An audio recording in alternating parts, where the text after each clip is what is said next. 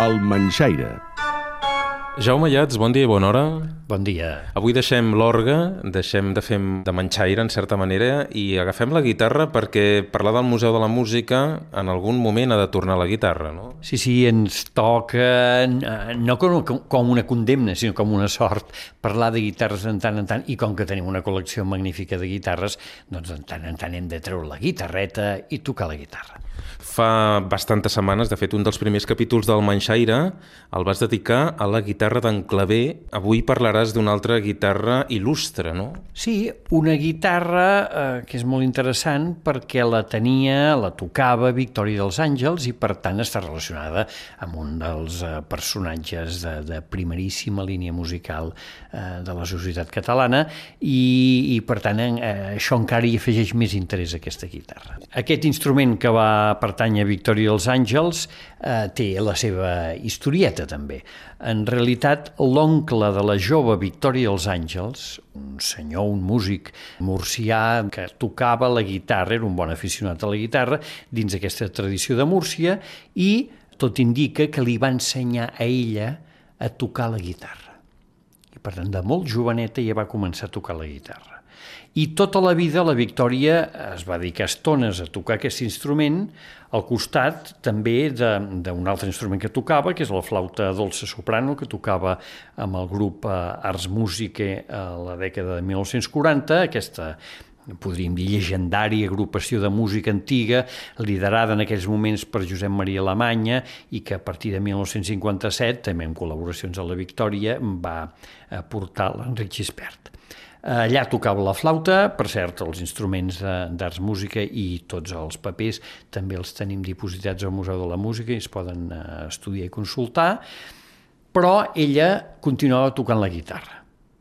En aquests eh, darrers anys hem pogut incorporar a la col·lecció del museu una de les dues guitarres que tenia, que tocava habitualment, i no només la tocava amb els amics o a casa, que li agradava molt fer música tota hora, fins tot, eh, tota la nit, si convenia, sinó que també la traia en concerts. A vegades, per fer un vis d'un concert, treia la guitarra i cantava i tocava alhora podia ser eh, una cançó eh, del Renaixement o una d'aquestes tradicionals murciana o andalusa, i això ho veiem en moltes fotografies i en alguns escassos enregistraments que jo diria que amb els anys guanyaran molt d'interès perquè és molt entranyable veure-la amb ella cantant i tocant alhora.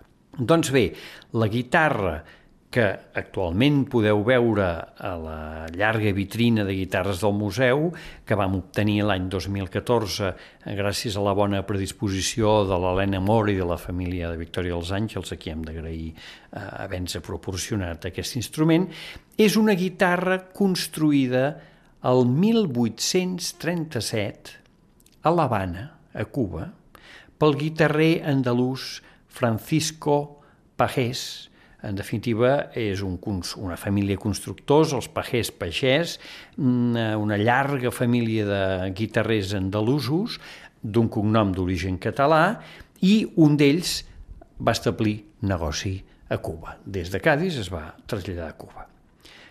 D'allà la guitarra devia venir en algun moment a Barcelona i va passar a mans de la Victòria segurament un segle després de ser feta, i és una magnífica guitarra del segle XIX.